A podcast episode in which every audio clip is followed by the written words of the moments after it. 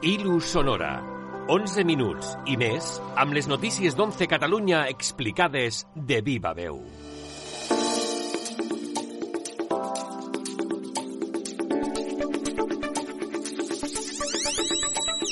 Sigueu tots molt benvinguts i benvingudes a Ilu Sonora, el podcast de continguts d'11 Catalunya que ja arriba al seu número 6 i que correspon al segon trimestre de 2022. Atents a totes les informacions que us portem.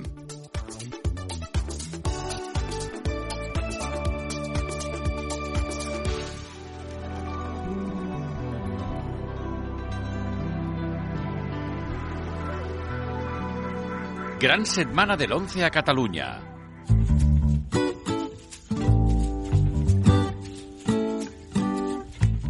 La setmana de l'11 a Catalunya va tenir lloc del 4 a l'11 de juny. Es van realitzar activitats als 17 centres i agències que l'11 té a Catalunya. Vam obrir de bat a bat les portes de l'11 a tots els ciutadans i totes les ciutadanes de Catalunya per compartir les nostres il·lusions i els nostres reptes. Vam agrair a la societat la solidaritat que rebem cada dia i que ens permet donar un servei integral i personalitzat a les persones cegues o amb baixa visió. I vam compartir una jornada de convivència per fer una societat més inclusiva.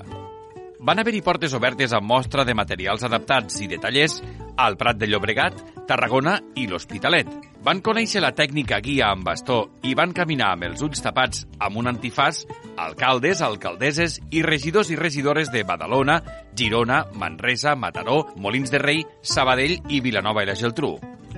Marc Eloi, alcalde de Manresa, va empatitzar de seguida. Si ens hem de posar al lloc de persones que no hi veuen, eh, qualsevol objecte que hi pugui haver a la via pública eh, pot fer pot ser un problema greu de seguretat, pot fer que, que la persona que no hi veu se'n vagi a terra, perquè no és un objecte que s'esperi. Es van celebrar esmorzars a cegues a Blanes, Terrassa, Lleida i a Vic.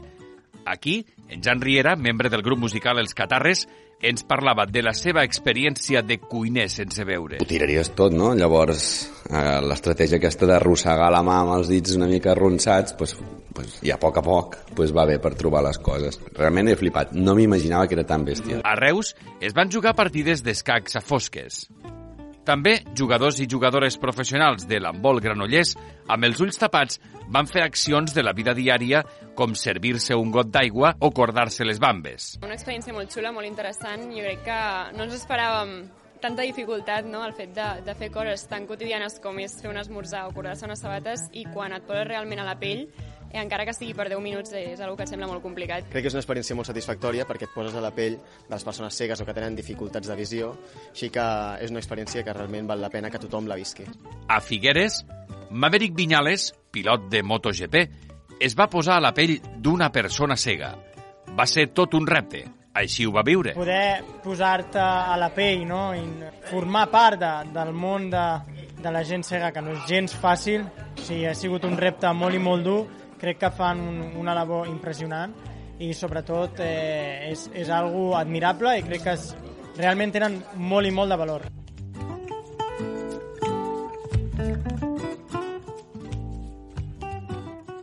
Celebrem la Diada de la Família d'11 Catalunya.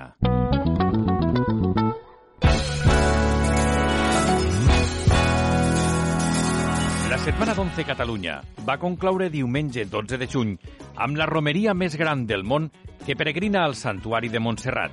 1.300 persones cegues, pensionistes, treballadores, familiars i amics de la nostra institució que enguany, i després de 3 anys, es van sentir més a prop les unes de les altres.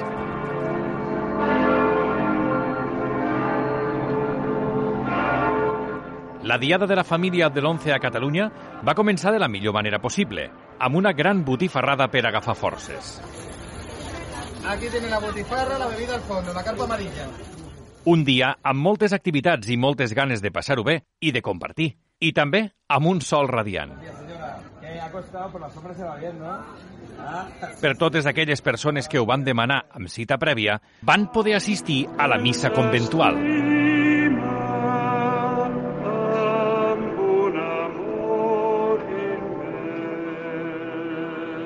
Rafi Pérez és vicepresidenta del Consell Territorial de l'11 a Catalunya.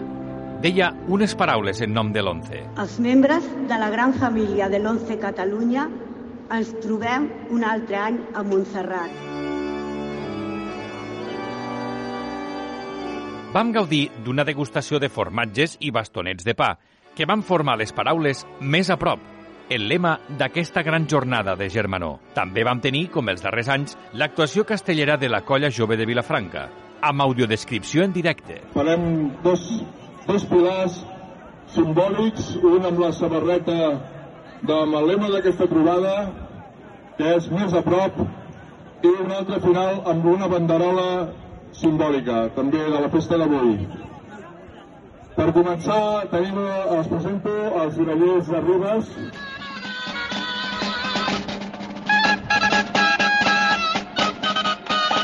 La Diada de la Família d'11 Catalunya va concloure amb un dinar compartit amb personalitats del món polític i social i també representants d'associacions de persones amb discapacitat, com Creu Roja Catalunya, Tercer Sector, Càritas, Cocarmi o Fundació Aremi. Vam escoltar els parlaments del David Bernardo, president del Consell Territorial d'11 a Catalunya. De tot cor, és un plaer tornar aquí després de tres anys amb el que hem passat pel camí i novament estem més a prop. Enric Botí, delegat territorial d'11 a Catalunya. Els carrers d'aquest país estan els millors professionals, ells com ningú han tingut cura de la il·lusió i la solidaritat i han treballat la loteria més social d'aquest país, que són els nostres cupons. Un aplaudiment fort per 2.500 venedors que treballen cada dia als carrers. Òscar Riu, director general de Relacions Laborals, Treball Autònom, Seguretat i Salut Laboral de la Generalitat de Catalunya. I felicitats per la trama social que feu.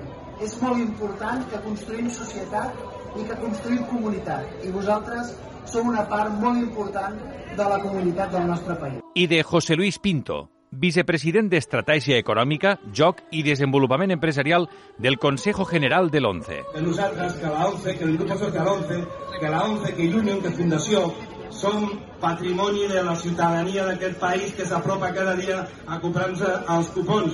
Amb aquesta gemma s'estigarà la generació dels millors venedors de sort del món. La nostra loteria, loteria social, loteria responsable, loteria segura, que el que fa és donar oportunitats de vida a la gent que ho té una mica més difícil. El que fa, el que intenta és fer un món molt més amable. L'ONCE presenta a Barcelona el sistema Dactils, una fita en la comunicació per a persones amb sordceguesa.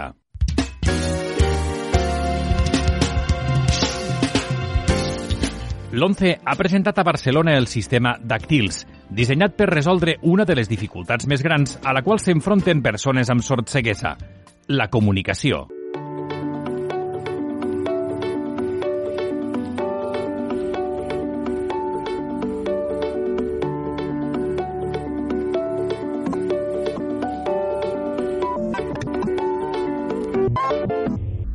Sentidos. Aislamiento. Comunicación.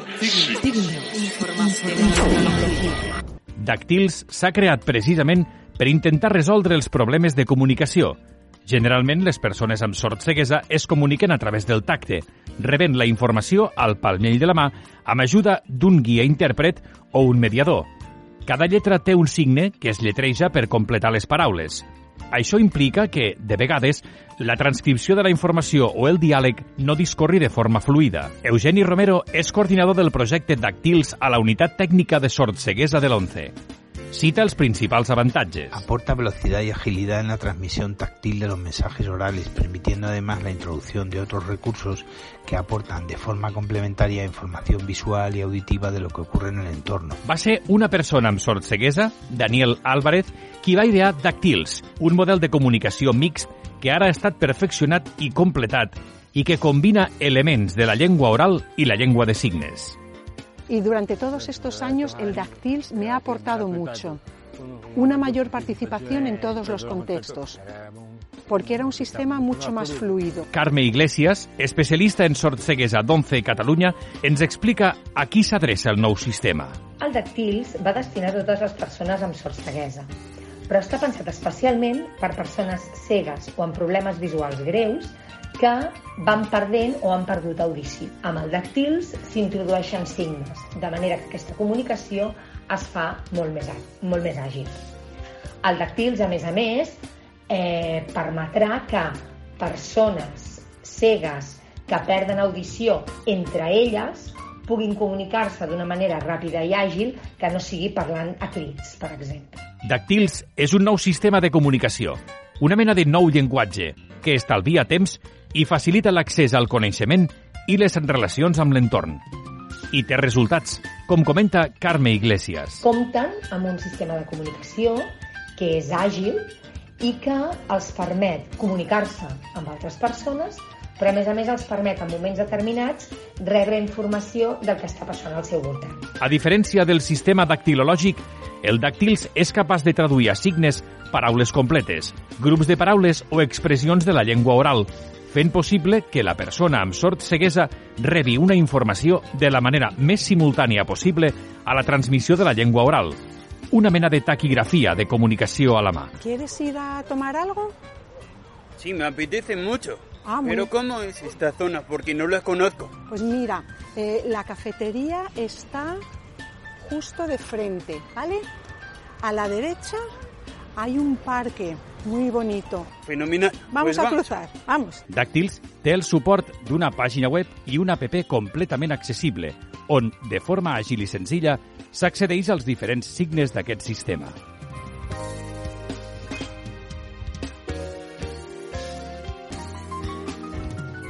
El cupó diari de l'11 es renova, creix en premis i ajuda a més persones. Cuánta alegría, cuánta ilusión, cuántos sueños todos los días alrededor del cupón. Esa ilusión de todos los días es compartir el cupón de la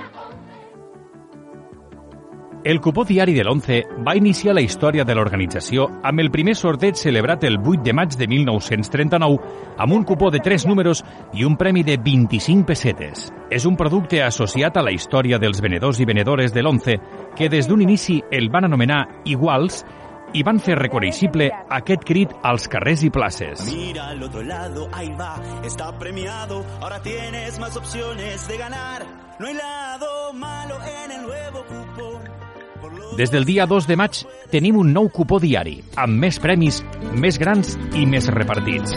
Ens ho explica el venedor de l'11 de Barcelona, Manuel Carmona. Tendremos un premio mayor de 500.000 euros a número y serie, que es un premio bastante importante, ¿no? Para ser un cupón diario, para ser un cupón ordinario.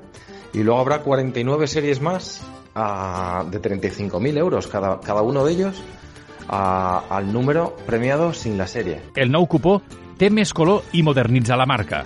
Incorpora nous conceptes de repartiment que el fan més atractiu i modern. Los premios van de detrás hacia adelante y de adelante hacia detrás. O sea, tendrán premio última, dos últimas, tres últimas, cuatro últimas cifras y también tendrán premio la primera, las dos primeras, las tres primeras, las cuatro primeras y así. Els canvis tenen com a objectiu consolidar l'organització com el prestador més gran del món de serveis socials per a persones cegues o amb baixa visió, a més de traslladar més solidaritat a la resta de persones amb discapacitat. La venedora de Lleida, Cristina Chacón, ens convida a buscar la sort. Estem segurs que us agradarà i que tocarà molts més premis. I també el Manuel Carmona. Seguro que vas a encontrar la suerte con el nuevo cupón de la 11. Més premis del nou cupó diari per arribar a més gent i ajudar a més persones. El llançament del nou cupó coincideix amb la campanya Si tens baixa visió, vine a l'11, per conscienciar la ciutadania que tingui alguna resta visual i encara no coneixen els beneficis d'afiliar-s'hi. Toni Martínez, afiliat de Barcelona amb baixa visió, anima a que t'apropis al teu centre de l'11 més proper. Me he encontrado aquí un equipo humano magnífico, maravilloso y que me ha ayudado a superarme a mí mismo en el sentido de que me había quedado muy mal. Ja ho saps, si tens baixa visió, vine a l'11.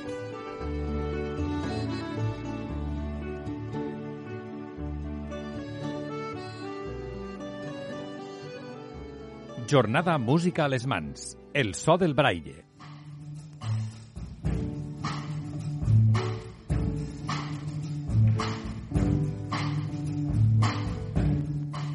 Dissabte 14 de maig vam viure una trobada molt especial al Centre de Recursos Educatius. Tot un dia de convivència amb l'alumnat sec o amb baixa visió que estudia a les escoles de música i conservatoris de Catalunya. Una jornada que va acabar amb un gran concert a l'Auditori d'Once Catalunya. El concert Música a les mans, el so del braille.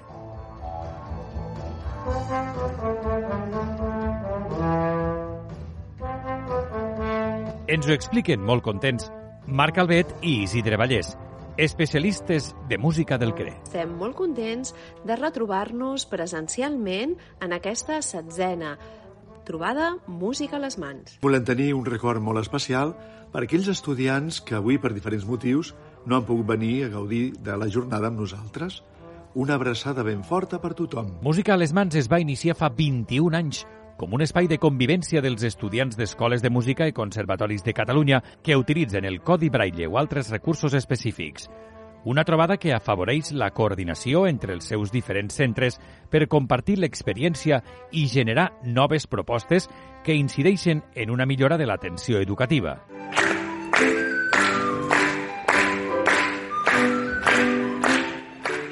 Música a les mans posa en valor la tasca dels professionals que treballen per la inclusió educativa, així com l'esforç i dedicació dels estudiants i les seves famílies. Enguany han participat més d'una vintena d'estudiants, com l'Ingrid Costa, que estava un pelet neguitosa. M'he sentit una mica vergonyosa al principi, però després he vist que no passa res i ja estic millor. Ha estat el quart any que s'obre la participació a alumnes de fora de Catalunya. Vam tenir estudiants d'Andorra i Navarra, com l'Aitor o l'Izan. Esperen tornar. Pues estoy muy emocionado de venir. Es mi primera vez y no sé, es que me estoy muy emocionado y me ha encantado esta experiencia. A mí la verdad que me ha gustado, eh, estoy súper emocionado y, y ojalá que volver que podamos volver otra vez. Al final de l'acte vam gaudir amb l'himne Música a les mans del nostre company Gabriel Gorce. de tenir